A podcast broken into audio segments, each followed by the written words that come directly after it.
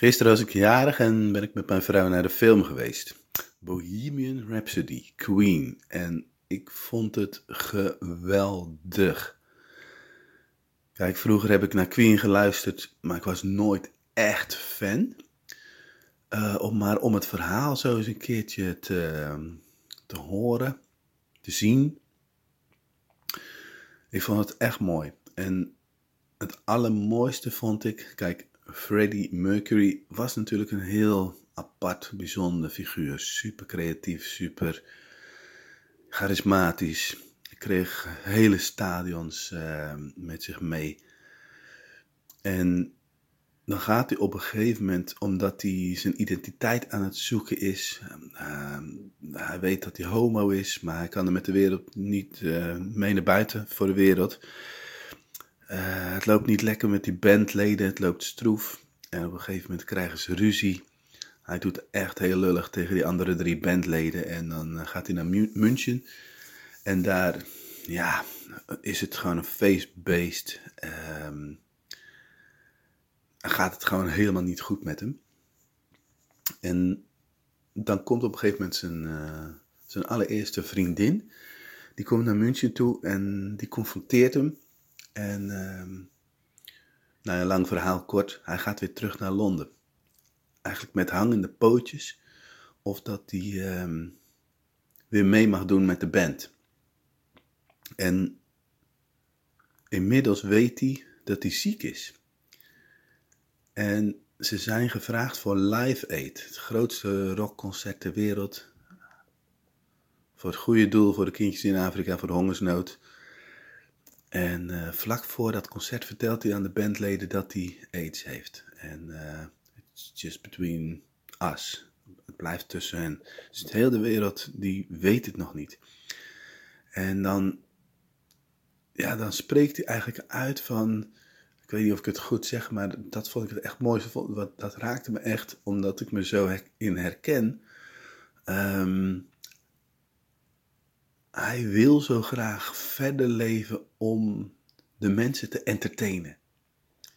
Dat is waarvoor hij op aarde is gekomen. En um, kijk, we weten hoe het afgelopen is.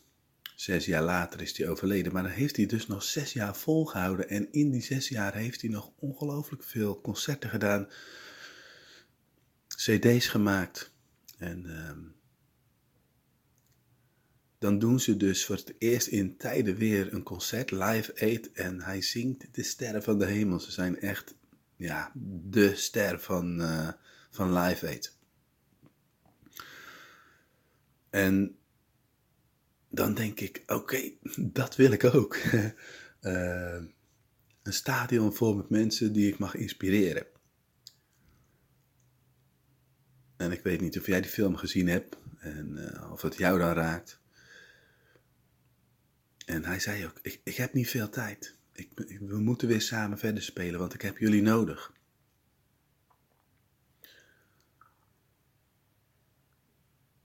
Dat vond ik echt mooi.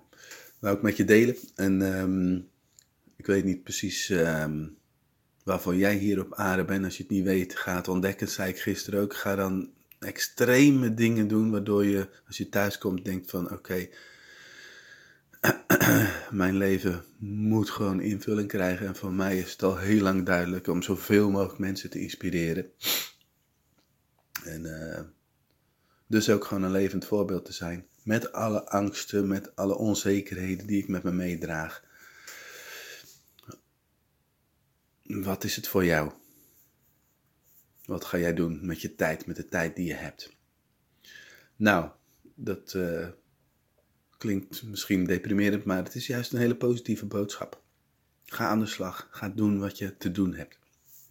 Ik wens je een hele mooie dag. Ik ga vandaag een, uh, een Zoominar geven. Dat is een soort van webinar of een online training, maar dan via Zoom. Ik noem het Zoominar.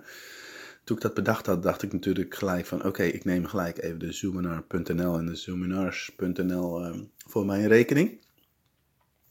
En um, ik vind het uh, leuk vooral, want ik ga voor het eerst eigenlijk een Zoominar uh, Help Ik Start Mijn Coachpraktijk doen. Dus veel duidelijker nog uh, voor wie het is, veel meer doelgroep gericht.